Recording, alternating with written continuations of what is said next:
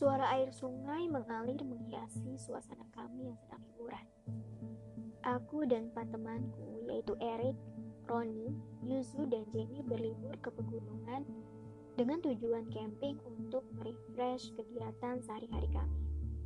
Kami menaiki mobil sewaan di hari itu dengan membayarnya patungan.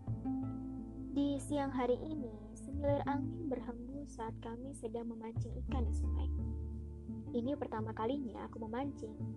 Memancing ini adalah ide Erik yang menyarankan memancing di sungai. Dia sangat antusias hingga mereka menyewa alat pancing.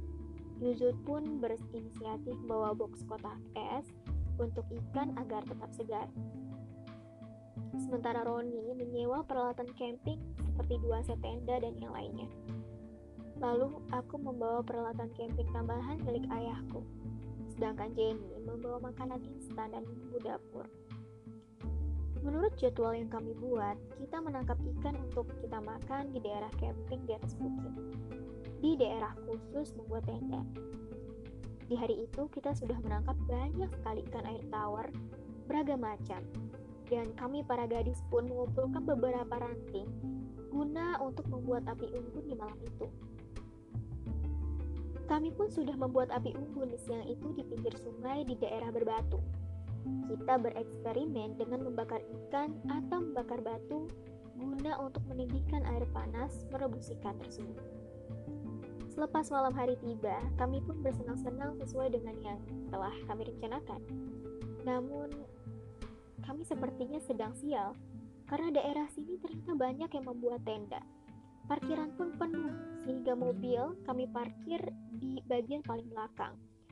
Saking tidak ada tempat parkir di tanjakan, tanjakan itulah kita berparkirnya. Walau tak terlalu miring, tetap saja ini tanjakan. Malam pun tiba, namun Roni ternyata salah membawa tenda. Tenda kami hanya cukup untuk dua orang. Dua tenda berarti untuk empat orang. Jenny pun berkata, santai saja, aku bisa kok tidur di mobil malam ini.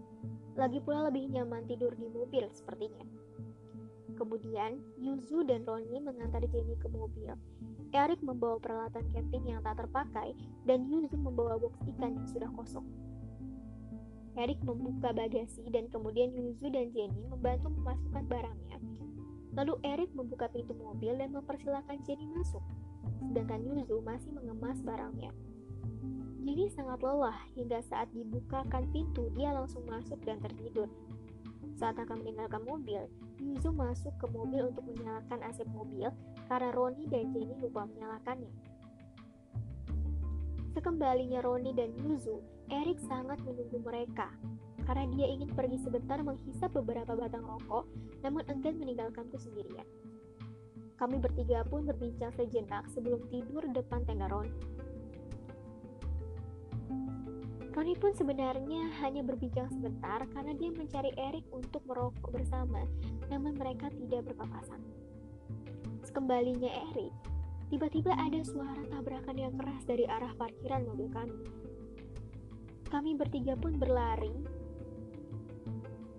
menuju tempat lokasi karena ternyata mobil kami menabrak pagar penghalang dan jatuh terbalik ke jurang. Jenny pun tewas ketika di sana benar-benar naas. Roni pun terakhir datang ke lokasi paling terakhir. Dia menolak melakukan sesuatu pada Jenny. Namun seingat Roni, dia sudah menggunakan rem tangan saat terakhir kali dia meninggalkan mobil. Yuzu pun menjadi saksinya. Lalu Eric pun dia mengaku tidak melakukan apa pun, bahkan dia tidak membawa kunci mobil. Di lokasi tempat memakir, aku hanya melihat bekas air.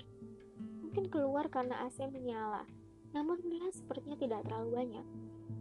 Lalu aku melihat alat seperti alat pembobol pintu di sekitar situ. Dalam laporan setelah diperiksa, penyebabnya adalah mobil tidak menyetel rem tangan. Namun kutanyakan pada petugas apakah ada bekas pintu dibobol. Mereka pun menjawab ada kemungkinan karena ada bekas seperti itu, namun bisa jadi gesekan lain saat mobil mengalami kecelakaan. Namun tidak pasti. Aku pun langsung mengetahui siapa pelaku dari kasus ini.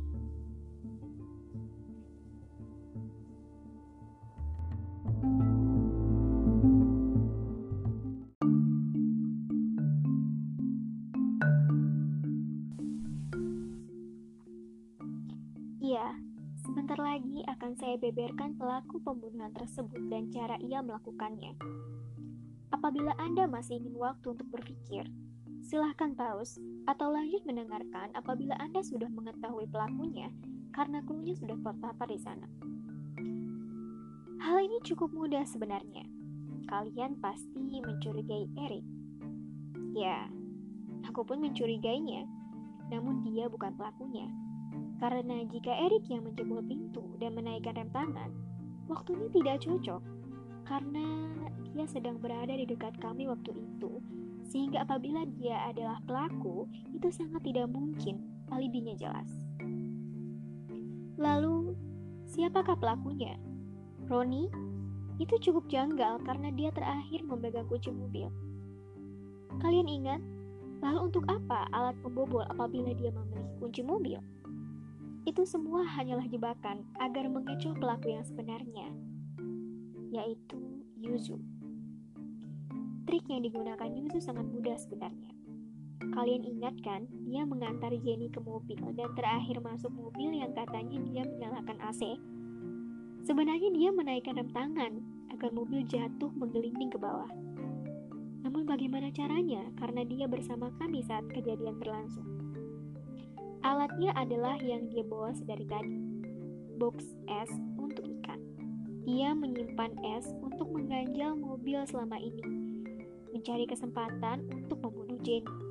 Dia menggunakan es sebagai ganjal, lalu dia tinggal meninggalkan tempat dan dia bisa membunuhnya sembari tertawa berbincang dengan kita.